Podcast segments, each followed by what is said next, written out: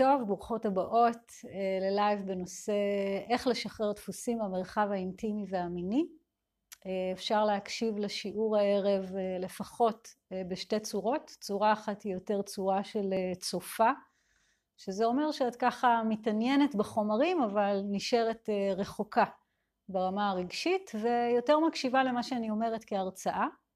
והאפשרות השנייה שאני יותר ממליצה עליה היא אפשרות של להיות משתתפת פעילה בתוך השיעור, שזה אומר לענות על שאלות שאני שואלת בתגובות, לכתוב לעצמך הערות במחברת ולהשתמש בתובנות שאני אחלוק כאן היום להמשך עבודת ריפוי שלך עם עצמך ואם תרצי גם שלך איתי. למי שלא מכירה אותי אני מטפלת מינית וזוגית הוליסטית מורה לתקשורת מינית ואינטימית מודעת, מפתחת גישת ריפוי שנקראת תרפיית האגן ואני מעבירה את ה live החגיגי הזה היום גם לכבוד הלבנה המלאה שזורחת עלינו. כבר כמה ימים שהיא מאירה את השמיים באור פשוט מופלא ואני גם מנחה את ה live היום לכבוד קורס ריפוי חדש לנשים שמתחיל בשמיני למרץ שהוא קורה כל, הוא קורה למעשה כל השנה וכל חודש נושא הריפוי הוא שונה. נושא הריפוי בחודש מרץ הוא שחרור דפוסים במרחב האינטימי והמיני.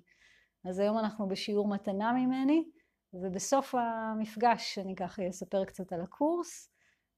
אתן מוזמנות להשתמש בצ'אט גם כדי לשאול שאלות משלכם וגם כדי לענות על שאלות שאני אשאל. אני אשמח שתהיה בינינו תקשורת. המפגש מועבר בתוך קבוצת נשים ויחד עם זאת השיעור בהחלט מתאים גם לנשים וגם לגברים. אז נתחיל מזה שדפוסים הם למעשה תבניות, תבניות של הגוף, של הנפש, תבניות שבדרך כלל משלבות גם רובד מחשבתי, גם רובד רגשי, גם רובד גופני וגם רובד אנרגטי. ובדרך כלל כשבאים אליי, גם אם זה לקליניקה ברמה הפרטית, ברמה הזוגית וגם לסדנה, לסדנה שאני מנחה, באים בגלל דפוסים. ואז אני מציעה שבתור שלב ראשון, כדי שככה המרחב שלנו יתחיל להתמלא בחיים, אני אתן כמה דוגמאות של דפוסים שפגשתי בימים האחרונים, ואתן מוזמנות גם לכתוב ככה בתגובות כל מיני דפוסים שאתן מכירות מעצמכן או מאנשים שקרובים אליכם. כשאנחנו מתמקדות הערב ומתמקדים הערב בדפוסים שבאים או שמופיעים במרחב האינטימי והמיני. דפוסים כמובן יכולים להופיע בכל תחום ואנחנו רוצות להתמקד בתחום הזה.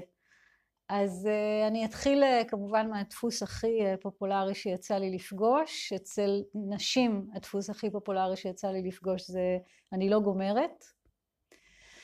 או אני לא גומרת בכלל, או אני לא גומרת עם בן בת זוג, זאת אומרת אני כן גומרת לבד אבל לא עם מישהו. אצל גברים הדפוס הכי פופולרי שפגשתי זה אני סובל משפיכה מהירה, או אני גומר יותר מהר ממה שאני רוצה. זה למשל שתי דוגמאות לדפוסים ממש נקרא לזה מיניים טהורים. דוגמאות לדפוסים רגשיים שקשורים למרחב האינטימי והמיני, וואו, יש אין סוף. קשה לי לבטא את הצרכים שלי. כשנוגעים בי אני משתתקת או אני נעלמת, גם אם המגע הוא נעים. קשה לי להגיד לא, אז הרבה פעמים אני מרצה. איזה עוד דפוסים ככה פגשתי בימים האחרונים, אני אנסה להיזכר. יש לי בלגן בראש רוב הזמן, גם במרחב האינטימי והמיני, וקשה לי להתמסר למגע.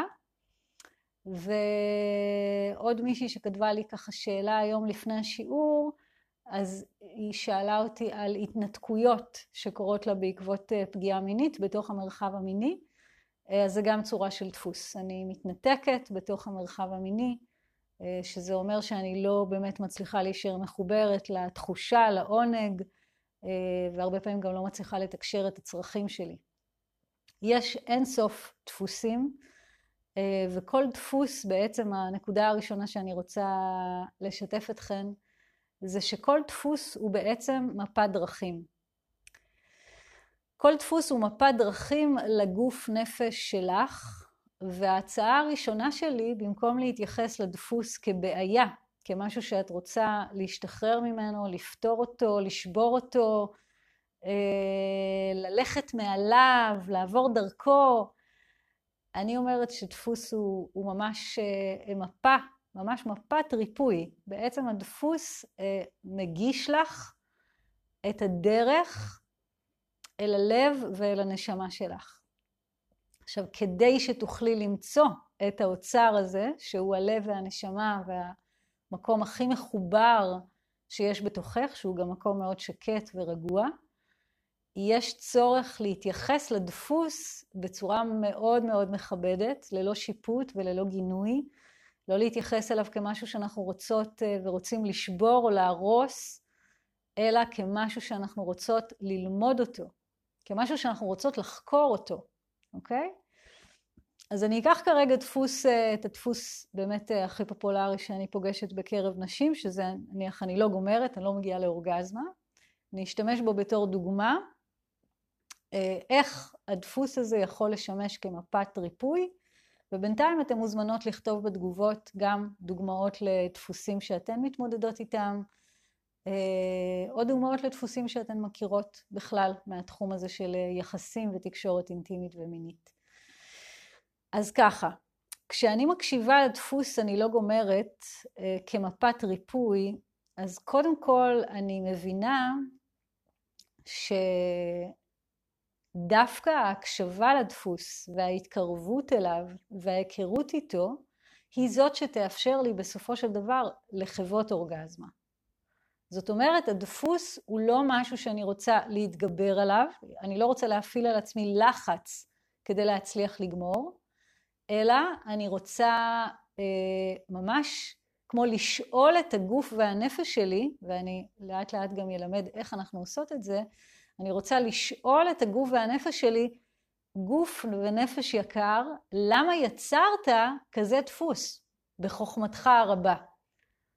כלומר, אם אנחנו אומרות שהדפוס הוא מפת ריפוי, זה אומר שהדפוס הוא לא בעיה, הוא לא משהו שאנחנו רוצות להעלים מה, מה, מה, מהקיום, אלא אנחנו רוצות אה, להקשיב לו מתוך הבנה שאם הדפוס הזה קיים, כנראה שיש לו איזושהי, אה, איזשהו, כנראה שיש שם איזשהו מסר בשבילי, ורק ברגע שאני אקשיב למסר הזה, גם האורגזמה תגיע, אוקיי?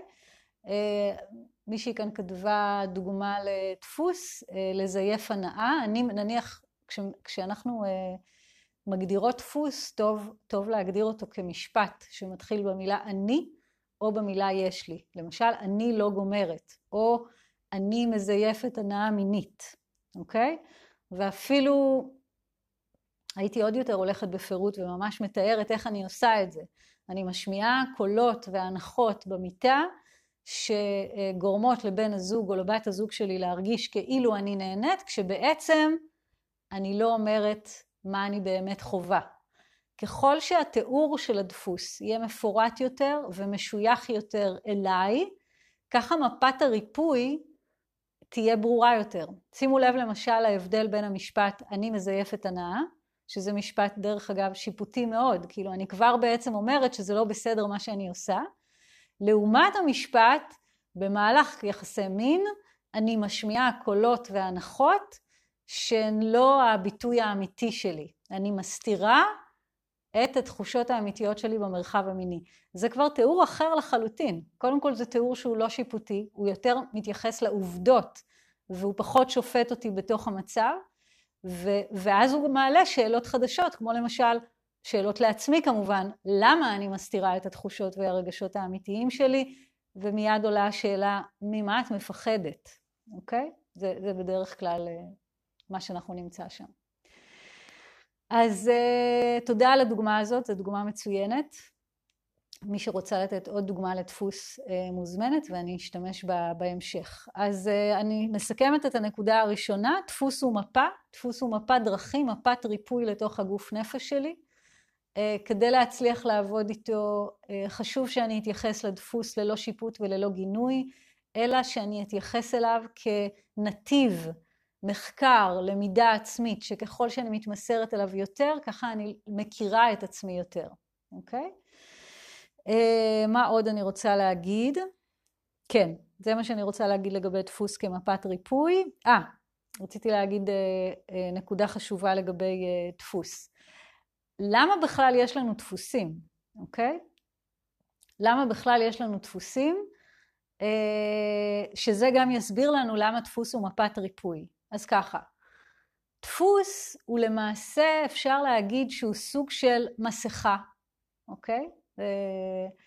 מסכה אנרגטית, שהמערכת שלי, החכמה מאוד, המערכת הגופנית והנפשית, יצרה עבורי כדי שאני אמנע מתחושת כאב. אני אחזור על ההגדרה הזאת להבנתי. דפוס הוא תבנית מחשבתית, רגשית ותחושתית, שהמערכת שלי יצרה על מנת שאני אמנע מכאב. כמובן שלא מדובר על הימנעות טוטאלית מכאב, אי אפשר להימנע מכאב בחוויה האנושית, אבל אפשר להפחית את עוצמת הכאב.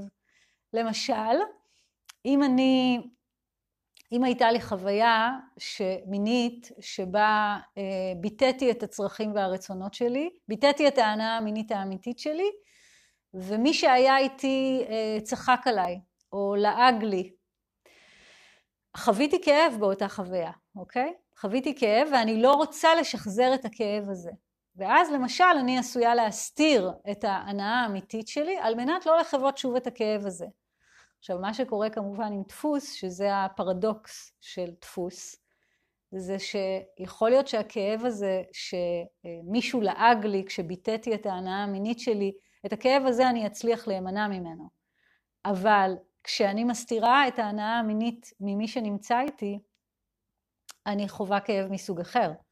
אני חווה כאב של מחסור באינטימיות, אני חווה כאב של מרחק מהאדם שאני נמצאת איתו ומרחק מעצמי. זאת אומרת שביסוד הדברים, וכאן בכלל אנחנו עונות על השאלה למה בכלל להשתחרר מדפוסים, ביסוד הדברים אי אפשר להימנע מכאב. אי אפשר להימנע מהכאב של עצמי. כל אדם בעולם הזה, להבנתי, כל איש וכל אישה, יש לו אה, שיעור נשמה עם עוצמת כאב מסוימת, שהוא או היא אמורים לעבור דרכה. זה אינטואיציה שלי, אין לי שום הוכחה למה שאמרתי כרגע, זאת רק התחושה הפנימית שלי. שזה אומר שאני לא יכולה להתחמק מהכאב שאני אמורה לפגוש בתקופת החיים הזאת. אז אני יכולה לנסות להפחית את עוצמת הכאב על ידי דפוס כזה או אחר, כמובן שזה ניסיון לא מודע, דפוסים הם מבנה לא מודע, אבל אם אנחנו מסתכלות על זה לעומק, אם זה לזייף הנאה, אם זה אני לא גומרת, אם זה אני לא אומרת את הצרכים והרצונות שלי האמיתיים, בסופו של דבר את הכאב שאני אמורה לחוות, אני אחווה אותו. אז דפוס מנסה להפחית את רמת הכאב שאני אחווה, אבל הוא לא באמת מצליח, אוקיי? אוקיי, אז אנחנו מתקדמות. אה, אמרנו שדפוס הוא מפת ריפוי, ושכדאי להתייחס אליו אה, ללא שיפוט או גינוי, אלא כנתיב ללמידה עצמית, אוקיי? נתיב לחקר ולמידה עצמית. אמרנו שדפוס מנסה להפחית את רמת הכאב שאני חשופה אליו, אבל הוא לא באמת מצליח. ואמרנו שאנחנו רוצות ללמוד להקשיב לדפוס, אוקיי? עכשיו בואו נראה איך מקשיבות לדפוס. Uh, כדי להקשיב לדפוס, יש צורך להכיר אותו כמה שיותר טוב. קודם כל, אני ארצה להגדיר אותו לעצמי, שזה אתגר בפני עצמו. אני אתן דוגמה למה זה אתגר, למשל, נניח כרגע אני חושבת על איזה גבר שאני מלווה, שאם הייתי שואלת אותו מה הדפוס שאתה כרגע חווה הכי הרבה במרחב האינטימי מיני, אז הוא יגיד לי, אני פשוט, אני מתוסכל מינית. אשתי לא שוכבת איתי כמה שאני רוצה, זה הדפוס. הדפוס הוא דפוס של תסכול, אני שוב ושוב ושוב, כבר מלא מלא שנים, אני מתוסכל מינית, אוקיי? עכשיו, העניין הוא שההגדרה הזאת של הדפוס היא ההגדרה הראשונה שלו, וגם אתם עכשיו, אם תנסו להגדיר את הדפוס שאותו אתם רוצים אה, אה, לראות באמצעות השיעור היום, קחו בחשבון שההגדרה הראשונה ש, שתעלה לכם לא בהכרח תהיה ההגדרה הסופית. אני אסביר למה אני מתכוונת. כשאני רוצה לראות דפוס, אני מתכוננת לכך שמדובר, כמו שאמרתי בהתחלה, במפת דרכים. מפת הדרכים הזאת אפשר לצייר אותה מטאפורית כמו בובות של בבושקה, אוקיי? שזה אומר שיש לי את השכבה הראשונה של הבבושקה, שזה נניח אני מתוסכל מינית, או אני לא גומרת, או יש לי מלא מחשבות בראש, ויש שכבות עמוקות יותר, אוקיי? יש שכבות עמוקות יותר, למשל, קודם נתתם את הדוגמה, אני מזייפת הנאה במרחב המיני, ואחרי משפט אחד כבר יכולתי להביא שכבה עמוקה יותר של אני מסתירה את התחושות והרגשות האמיתיים שלי במרחב המיני. ככל שההגדרה של הדפוס תהיה עמוקה יותר ושורשית יותר, ככה הגישה אל הדפוס תהיה ישירה יותר, והגישה אל הכאב שהדפוס מסתיר תהיה מהירה יותר ותאפשר שחרור של הכאב, ואני אסביר את העניין הזה של חשיפת הכאב עוד מעט. כרגע אני רוצה קודם כל להסביר מה זה אומר לראות דפוס.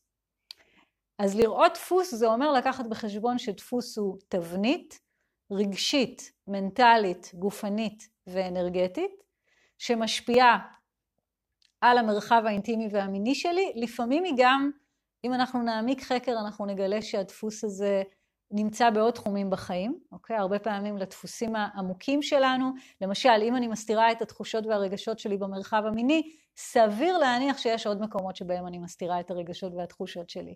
אם אני מזייפת הנאה במרחב המיני, סביר להניח שבעוד מקומות בחיי אני לא אמיתית, אוקיי? עכשיו שימו לב, הנקודה הראשונה שהצגתי כאן הערב זה להכיר את הדפוס ללא שיפוט או גינוי. הכי קל בעולם, הכי הכי הכי קל בעולם והכי פופולרי, זה לגנות את הדפוסים שלנו. להתייחס אליהם כמשהו אה, שלילי ונוראי שאנחנו צריכות לסלק מהדרך. בזמן שאני חוזרת ואומרת, דפוס הוא מפת ריפוי, הוא מפת דרכים. אני רוצה כמה שיותר להכיר את המפה, כי המפה הזאת תיקח אותי לאוצר. האוצר הוא הלב שלי, הנשמה שלי והשקט הפנימי שלי. אבל עליי לעבור דרך כל מה שהדפוס מורכב ממנו כדי לפגוש את המקום העמוק הזה שבתוכי. אז כדי לראות דפוס אני מתחילה קודם כל בלהגדיר אותו. אז אתן מוזמנות ככה בהשראת מה שכבר נאמר כאן אה, הערב, אתן מוזמנות לכתוב לעצמכן את הדפוסים ש, אה, שכרגע אתן רוצות לעבוד איתם. אני מציעה להתמקד בדפוס אחד להיום, ואולי אחר כך לעבוד עם עוד דפוסים. אני מציעה לכתוב את הדפוס במשפט קצר, לא ארוך מדי, שמתחיל או במילה אני או במילה יש לי, אוקיי? אני גם ממליצה לכתוב את הדפוס במשפט קצר שלא מופיעה בו המילה לא, אוקיי? למשל, במקום להגיד אני לא גומרת, לדוגמה, אז אני יכולה להגיד אה, העונג המיני שלי מצומצם, אוקיי? אה, מה ההבדל? תרגישו, אני, קצת קשה לי להסביר כרגע, אני אנסה לחשוב על איזשהו הסבר. כשאני מתארת חוויה מסוימת על דרך החיוב, הגישה שלי אליה היא יותר ישירה. כשאני מתארת חוויה על דרך השלילה, אין לי כל כך גישה לחוויה. אוקיי? אז אתן מוזמנות לנסות את זה, זה גם לא איזושהי אמת מוחלטת, הצורה הזאת שבה אני ממליצה לתאר דפוס, זה רק מה שאני גיליתי עד היום אה, במסע שלי. אז אה, ממה מורכב דפוס? ברגע שכתבתם את המשפט, כמו שכבר אמרתי, דפוס מורכב ממחשבות, דפוס מורכב מרגשות, דפוס מורכב מתחושות גופניות, ודפוס מורכב מאיזושהי דינמיקה אנרגטית. אוקיי? אני אסביר עכשיו כל אחד מהמרכיבים, ובזמן שאני מסבירה את המרכיבים, אז אתן מוזמנות לרשום לעצמכן את הדפוס שאיתו אתן עובדות, ולהתחיל לפרק את הדפוס לכל אחד מהמרכיבים, אוקיי? ובינתיים אם אתן רוצות להציע עוד דפוסים שאני אוכל ככה להשתמש בהם, אתן מוזמנות. אני בא לי לעבוד עם הדפוס של הגבר, אני מתוסכל מינית כי זה דפוס גברי פופולרי, ומתחשק לי ככה לקלף אותו. אז, אה, אז אני מתחילה, אני מתוסכל מינית. אז בואו נראה מה המחשבות. למשל, אה, צריך להיות לי יותר מין בחיים ממה שיש לי. זה לא בסדר שאשתי לא שוכבת איתי אה, בכמות שבה אני רוצה שהיא תשכב איתי. אני מרגיש לא גבר כשאין לי מספיק מין ביחסים. נמאס לי מהמצב הנוכחי. אני חושב שאולי כדאי לנו להיפרד. אני יכולה להמשיך ככה לנצח. לכל דפוס יש מגילה של מחשבות שמקושרת אליו. עכשיו, מה קורה עם הרובד המנטלי של הדפוסים? הרובד של המנטלי של הדפוסים הוא נע במעגלים סגורים, הוא בור ללא תחתית, אין לו סוף, הוא מביא את האנרגיה של קונפליקט, הוא גורם לי להרגיש קורבן או קורבנית בתוך הסיטואציה, חלשה, חסרת אונים, והוא, והוא, והוא גורם לי להרגיש שאין מוצא למצב הזה, אוקיי? אה, יש כאן עוד מישהי שכתבה כאן דוגמה, אה, קשה לי ליהנות ממגע מיני, האם אפשר לקרוא לזה דפוס? את יכולה להתחיל מזה, אוקיי? את יכולה להתחיל, זה מרגיש לי כמו, אה, זה מרגישה לי כמו שכבה ראשונה של הגדרת הדפוס. כשאני שומעת את המשפט הזה, קשה לי ליהנות ממגע מיני, לי עצמי, ברמה הכי אישית, עולות לי מלא שאלות. כלומר, מה זה אומר? זה אומר שהדפוס לא לגמרי ברור. מה זה אומר שקשה לך ליהנות? מה קורה בפועל? למשל, אני נמנעת מקיום יחסי מין. אה, יש לי הרבה מחשבות בראש בזמן שאני במרחב מיני. אה, אני ניגלת מהגוף שלי, אני ניגלת מהגוף של מי שאיתי. כלומר, כמו, כמו אני מתוסכל מינית, גם קשה לי ליהנות ממגע מיני. זה התחלה טובה להגדרה של דפוס, אבל היא עדיין מהבבושקות השמנמנות יותר. זאת אומרת, היא עדיין שכבה קצת יותר גסה של הדפוס, ואם אמרנו שדפוס הוא מפת דרכים, אז הייתי רוצה שתנסי אה, ללכת יותר לעומק הדפוס, ואני עכשיו אתן ככה עוד כל מיני שאלות שאולי יעזרו לך, כדי שתוכלי להגיע למשפט שהוא יותר אה, עמוק, יותר שורשי, אוקיי? כשאני אומרת שהדפוס הוא מפת דרכים, אני מתכוונת שהדפוס הוא מפת דרכים לשורש הנשמה, אוקיי? כדי לפגוש את שור, שורש הנשמה, עליי לפגוש את שורש הדפוס, וזה לא מסע קל בכלל, זה מסע שיש בו הרבה שכבות, לא סתם תרפיה היא תהליך שלוקח הרבה מאוד זמן. כי יש את השכבה של על פני השטח, למשל קשה לי ליהנות ממגע מיני, או אני מתוסכל מינית, אבל יש שכבות הרבה יותר עמוקות. אז אני אמשיך עם הדוגמה של הגבר הזה, בגלל שהוא ממש נמצא לי בתוך התודעה כרגע, ואני מאוד אוהבת את האיש, וגם כי זה אתגר כל כך פופולרי. אה, אז, זה, אז, אז נתתי דוגמאות לכל המחשבות שרצות לו בראש, וכמובן שהרשימה היא אינסופית, והמחשבות האלה מטרטרות לו במוח וגורמות לו להרגיש מאוד מאוד רע עם עצמו. אז זה הרמה המנטלית. ברמה הרגשית, כשאני מתוסכל מינית, אז אני חסר אונים, אני מפחד שהמצב לא ישתנה לנצח, אני עצוב, אני בודד, אני פוחד, אולי לפעמים לרגעים אני שונא את אשתי, אפילו אם זה רק לרגעים, ברגעים אחרים אני גם מאוד אוהב אותה. אה, בעיקר הכי מתחבר לי במקרה של הדפוס המסוים הזה, זה חוסר אונים. זו חוויה כזאת של אין לי מושג איך לשנות את, ה... אין לי מושג איך לשנות את המצב. אני כועס, גם מתחבר לי מאוד, אני כועס, אני כועס על המצב, אני כועס על עצמי, אני כועס עליה, אני כועס שאני לא גבר מספיק אה, אטרקטיבי, אני כועס עליה שהיא לא עושה מספיק כדי להימשך אליי. אני ממש יכולה, בזמן שאני מתחברת לרגשות, ואתן גם מוזמנות ככה, בזמן שאתן אה, רושמות לעצמכן איזה רגשות עולים בכם אה, כשאתן מתחברות לדפוס, שימו לב גם מה קורה בגוף, שזה כבר הרמה הבאה, הרמה של התחושות. כשאני מקשיבה לגוף שלי עכשיו רק מלגעת בעדינות בדפוס הזה אני מתוסכל מינית, אני ממש מרגישה קיבוץ מאזור הגרון עד, עד אזור אברי אה, המין. אני מרגישה כאילו משהו מכווץ את, ה, את הקו המרכזי, את הציר המרכזי של הגוף שלי, וזה גורם לי לתחושת מחנק, זה גורם לי לתחושת בחילה, זה גורם לי לתחושה ש, שמשהו לוחץ לי על הבטן, זה גורם לי לתחושת צמצום וקיבוץ, אז זה כבר הרמה השלישית של להכיר דפוס, זה לבדוק מהן התחושות הגופניות שמהם מורכב הדפוס, אוקיי? כשבדרך כלל התחושות הגופניות יעלו לנו כשנתחבר לרגשות, ולפעמים זה הפוך, אוקיי? לפעמים זה הפוך. למשל, ניקח דוגמה שהיא לגמרי גופנית, אה, אני יבשה, הפוט שלי יבשה במהלך קיום יחסי מין, אה, אני לא בגיל המעבר, אז אין לזה סיבה הורמונלית אה, מובהקת, אני בגיל 30, 35, אני בריאה, אני מקבלת את הווסת שלי בצורה סדירה, ובכל זאת כשאני מגיעה למגע המיני עם הבן זוג שלי, הפוט שלי יבשה. אוקיי? הפוט שלי יבשה, זה כבר דוגמה לדפוס שהוא ממש, בהגדרה שלו הוא דפוס גופני, אוקיי? ואז נניח התיאור הגופני זה יהיה אה, יובש בפוט, אה, גירודים בזמן שהוא מענג אותי, אני מרגישה גירוד או גירוי או חוסר נינוחות, חוסר נעימות, החיכוך לא נעים לי.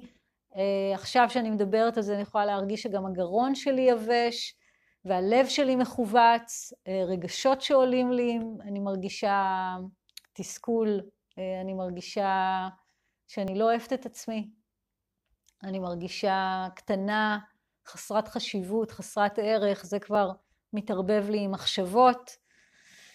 אה, איזה עוד רגשות, אם הפוט שלי יבשה, איזה עוד רגשות, איזה עוד רגשות. עצב, עצב, בדידות, דיכאון, אני מרגישה נתק מהנשיות שלי. אה, אז נראה לי שהבנתם את העיקרון. העיקרון זה לקחת כל דפוס ולפרק אותו לרובד המנטלי, המחשבתי, הרובד הרגשי והרובד התחושתי.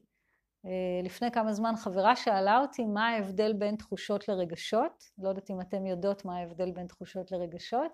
אם אתם יודעות אז תכתבו את זה בתגובות. אה, מה שאני אמרתי לה שאני מבינה על ההבדל בין תחושות ורגשות זה שתחושות הן בגוף אה, ורגשות הן, רגשות הן, הן כמובן מורגשות, מורגשים בתוך הגוף, בטח, אבל הם רובד קצת יותר דחוס מהתחושה. לדוגמה, אני חווה מחנק בגרון, זו תחושה, ואני מרגישה לבד, אני מרגישה בדידות. אוקיי? הבדידות היא רמה אנרגטית אה, קצת, היא קצת מחוץ לגוף, אם אפשר להגיד את זה ככה. אה, אני שמחה, אני שמחה על החיבור, אני שמחה על הדיוק, תודה לך על התגובה הזאת. אה, אז אני חוזרת, אני חוזרת ככה לקו.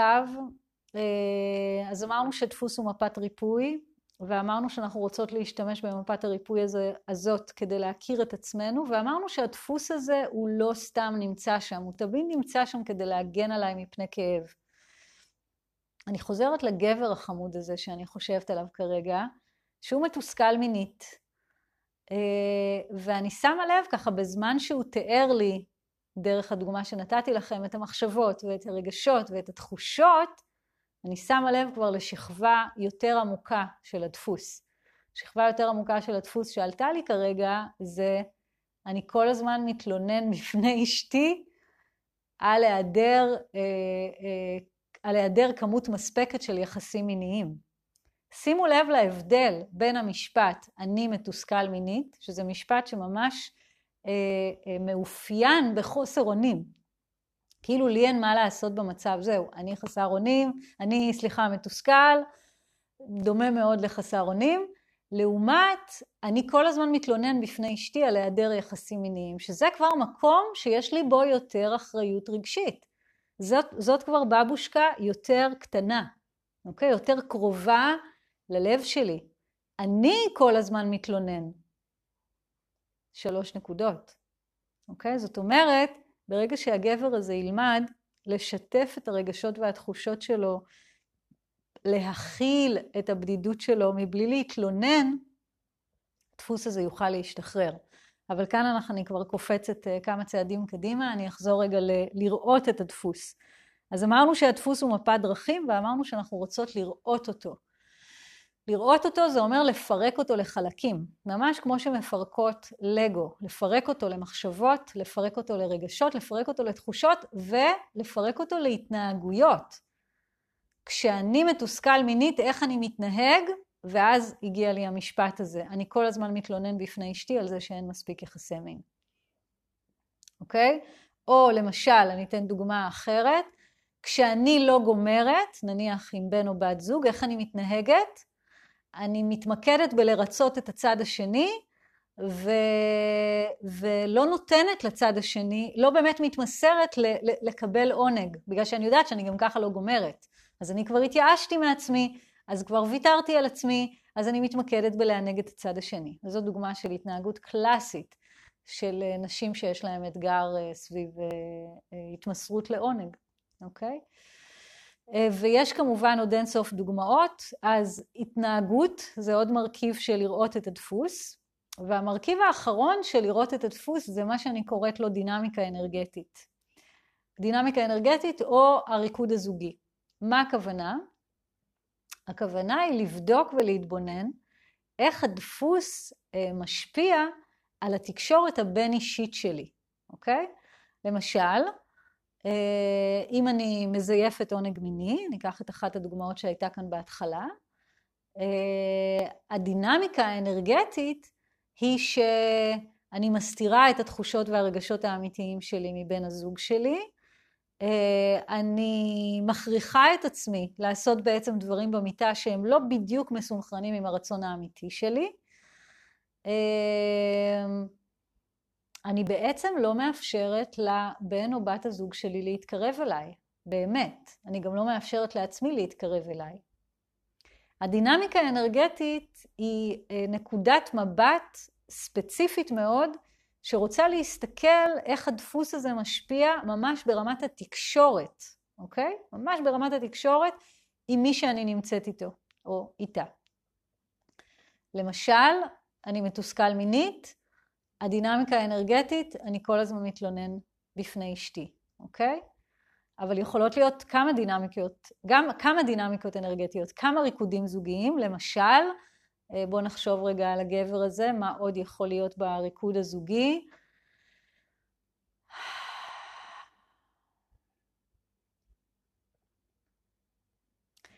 אני, לא רק שאני מתלונן מול אשתי על היעדר של אה, אה, כמות מספקת של יחסי מין, אני גם אה, ביקורתי כלפיה, אה, לא רק במרחב המיני. זאת אומרת, אני כל כך מתוסכל שהתסכול כבר אה, מתרחב אל מעבר למרחב של האינטימיות והמיניות, והוא משפיע כבר על כל היחסים שלנו ויש בינינו מתח, אוקיי?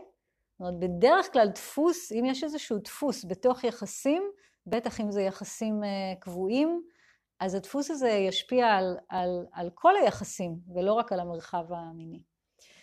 אה, חוסר, כתבה כאן אחת הנשים, חוסר אמון בתקשורת. חוסר אמון בתקשורת זה לא הגדרה של דפוס. כדי להגדיר דפוס יש צורך לנסח משפט שמתחיל במילה אני או יש לי, וגם אם נניח תגידי אני לא סומכת על אנשים, גם את זה הייתי רוצה לפרק עוד. תזכרו את הבבושקות שדיברתי עליהן בתחילת השיעור. ככל שתוכלי לקלף את הדפוס מהשכבות הגסות והפחות ברורות, מה זה אומר חוסר אמון בתקשורת? איך זה בא לידי ביטוי? מה ההתנהגויות? מה הרגשות? מה התחושות? מה הדינמיקה האנרגטית?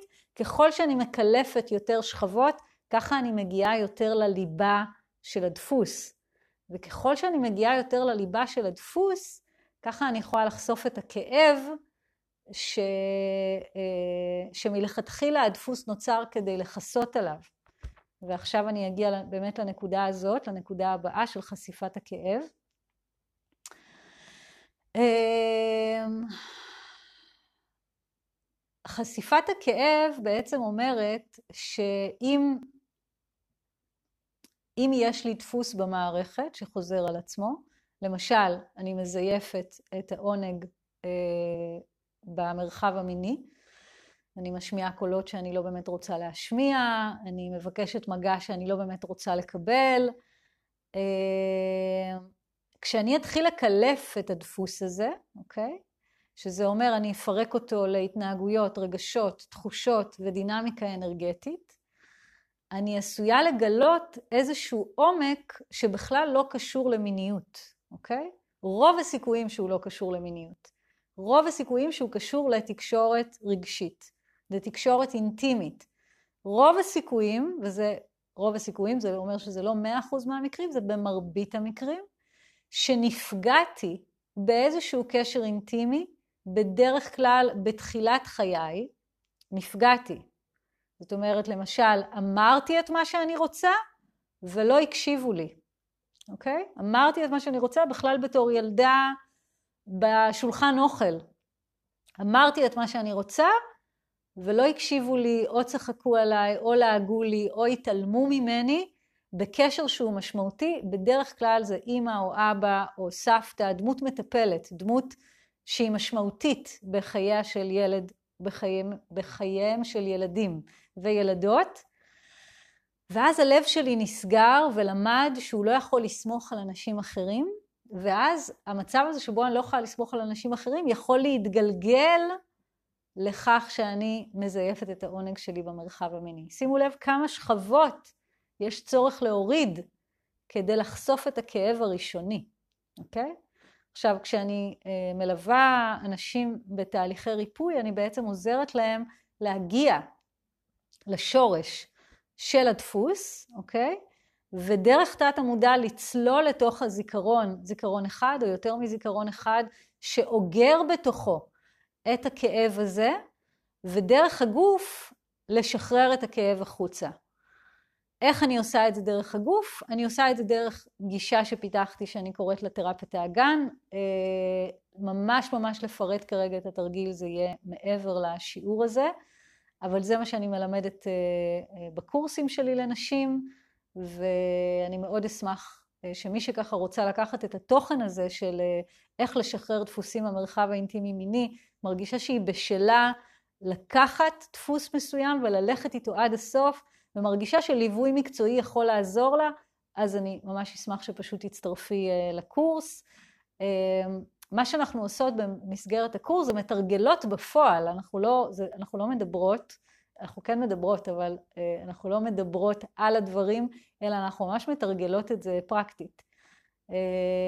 ולוקחות כל אחת את הדפוס שלה, ואני ממש מדריכה שלב, שלב, שלב, איך לפרק את הדפוס עד הרמה של הכאב הראשוני שהדפוס הזה מסתיר, אוקיי?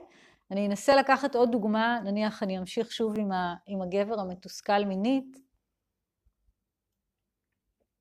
שכבר גילה שהוא מתלונן אה, וביקורתי כלפי אשתו.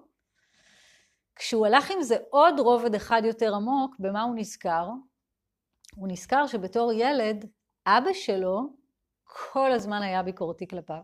לא משנה מה הוא עשה, לאבא תמיד הייתה דעה ותמיד הייתה לו דעה שלילית. כלומר, הילד הזה לא זכה כמעט בכלל לאישור על מה שהוא, על, על איך שהוא מתנהג, על, על מה שהוא אוהב לעשות, על, על התחביבים שלו, על הרצונות שלו, והילד הזה למד שביקורת זאת תקשורת של אהבה.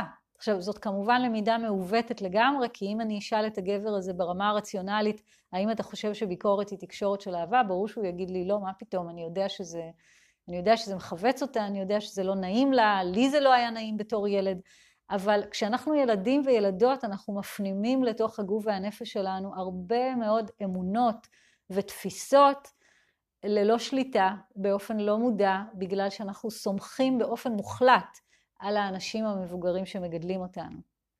הלב שלנו לגמרי לגמרי לגמרי פתוח, וככה נוצרים דפוסים. וככה נוצר הדפוס הזה, שהילד הזה למד שכדי לקבל את מה שהוא רוצה, הוא צריך אה, להתלונן ולהיות ביקורתי, כשחוויית הכאב הראשונית שלו אה, בכלל קשורה לזה שהוא חווה ביקורת מתמדת מצד, אה, בעיקר מצד אבא שלו.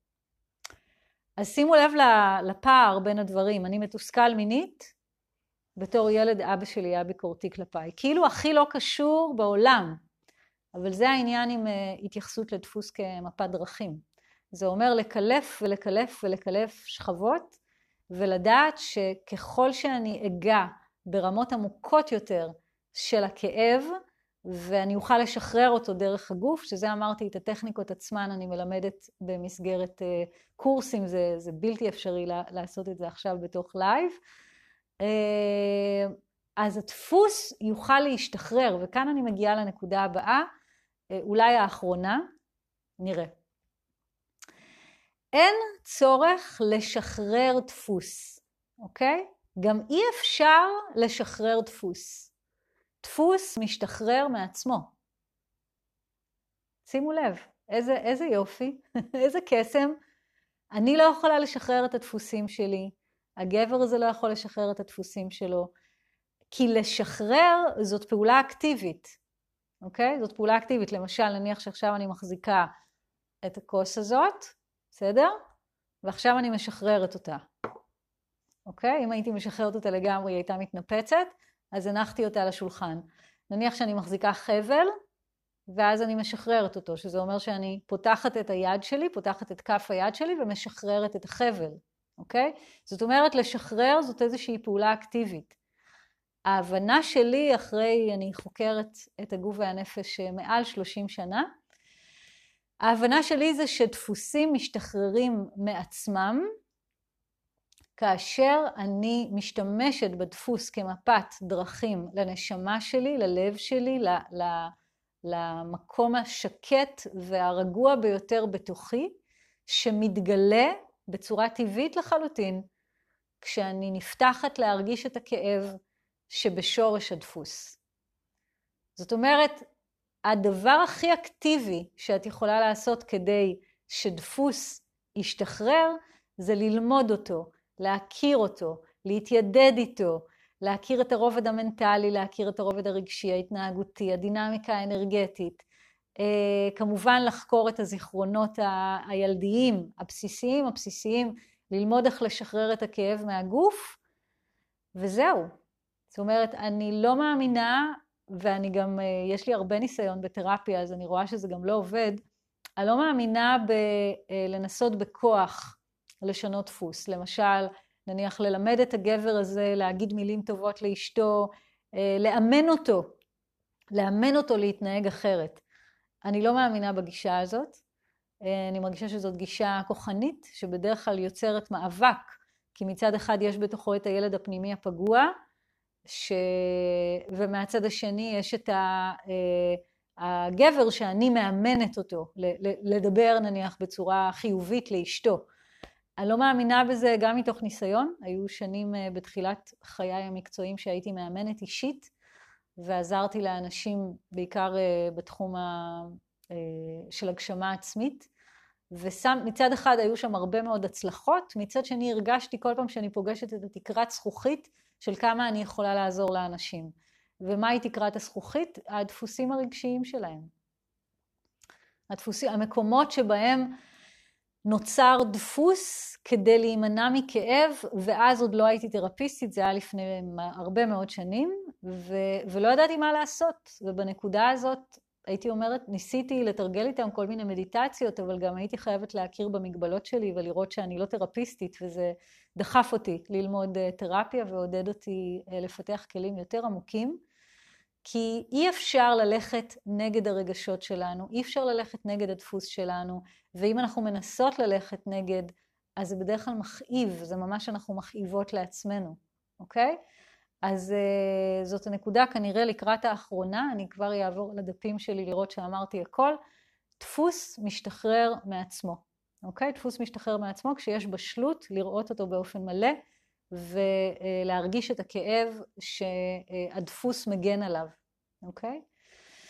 אה, בואו נראה רגע מה, אם אמרתי כל מה שרציתי להגיד. כן, אמרתי כל מה שרציתי להגיד, אז אני חושבת שעכשיו אני אלך לקראת אה, סיכום של הכל. ובואו נראה, יש כאן עוד שאלה. אז מה המסלול או הדרך שהיית לוקחת את הגבר הזה נניח לריפוי הדפוס? לאחר שפירקתם את הבבושקות לגורמים, איך בסוף הוא יוצא לא מתוסכל מזה שאשתו לא רוצה לשכב איתו כפי שהוא רוצה. אני מאוד אה, מודה לך על השאלה. אמ, אני אנסה לענות על השאלה דרך הסיכום של השיעור, אוקיי? אז קודם כל, אני מתייחסת לכל דפוס כמפת דרכים, כמפת ריפוי. שזה אומר שאני לא מנסה לשנות את הדפוס שלך או את הדפוס שלו. אם גבר חווה תסכול, אני מרשה לו לחוות תסכול. אני לא מנסה לשנות את הרגשות שלו, להפך. אני מלמדת אותו להיות עם התסכול ברמת הגוף, אוקיי? וכאן כבר נכנסות הטכניקות של תרפיית האגן, שאותן אני לא יכולה ללמד במסגרת של שיעור live. יש לי צורך במרחב תרגול, שאותו אני אה, יוצרת רק בתוך אה, אה, שיעורי ריפוי. מרחב תרגול מחייב בתקשורת הדדית, אני צריכה להחזיק מרחב לנשים שבאות לשיעור וממש לעבור איתם שלב שלב איך לפגוש את התסכול, למשל, ממש ברמת הגוף, ברמת התא. אז הדבר הראשון הוא קודם כל התייחסות לדפוס כמפת דרכים, אה, ללא שיפוט, ללא גינוי. אני מלמדת את אותו אדם אה, לא לשפוט ולגנות את עצמו ולהתייחס לתסכול הזה כ... כשלב שהוא נמצא בו עכשיו, ושנוכל להיות בשלב הזה ביחד, וככל שנסכים להרגיש את התסכול הזה ביחד, מבלי לנסות לשנות אותו, לאט לאט הדפוס הבוגר, אני מתוסכל מינית, יוכל לחשוף דפוס ילדי יותר, שממש מגיש את עצמו לריפוי, אוקיי? אז אמרנו הדפוס הוא מפת ריפוי, אמרנו שדפוס משתחרר מעצמו כשאני רואה אותו אה, עד תומו.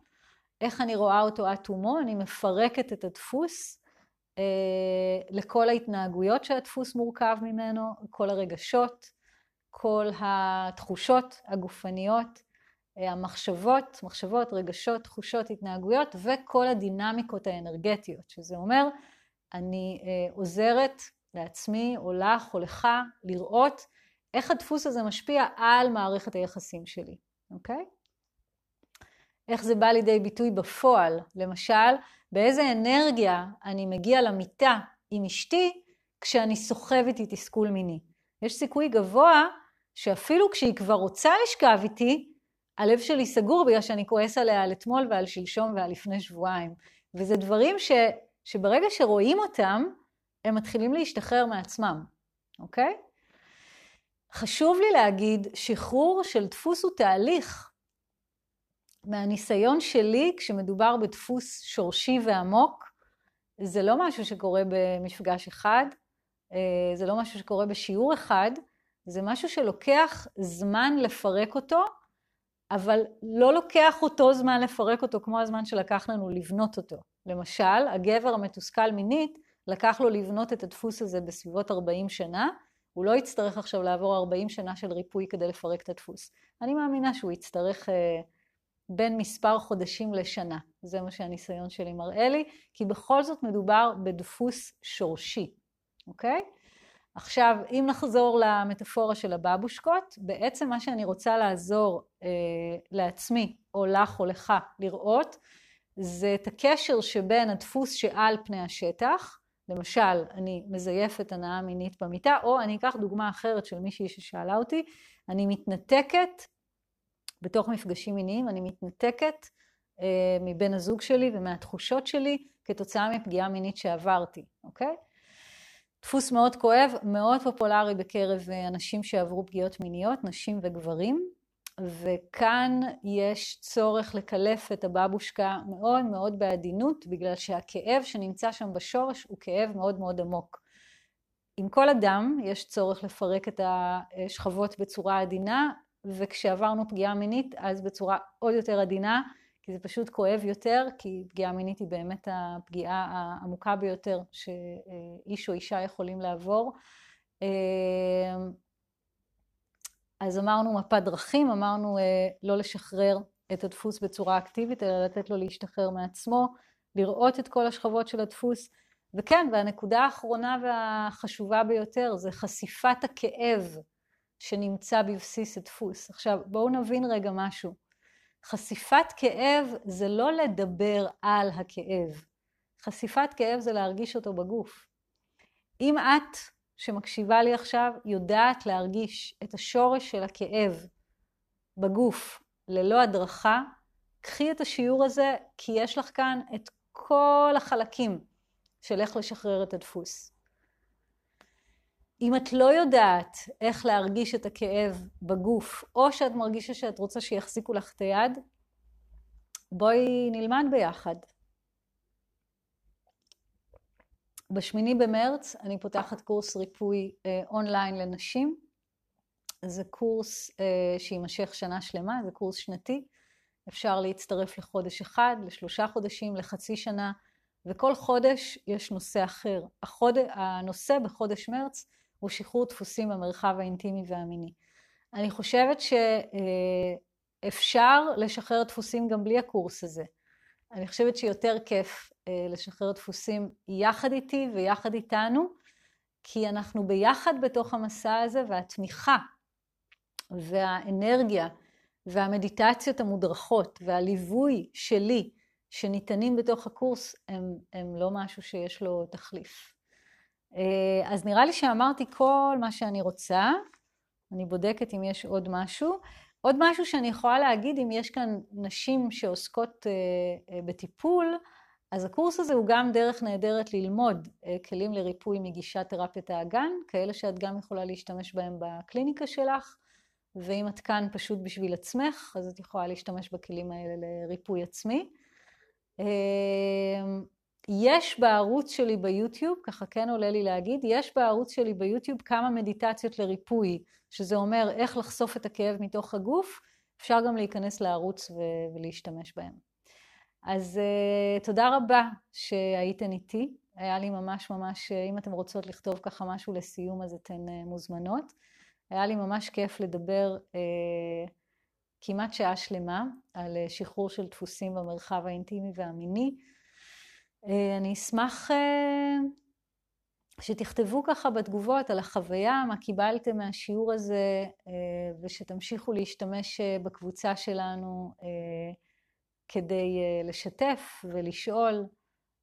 שיהיה לכולנו לילה טוב, ותודה על הביחד. להתראות.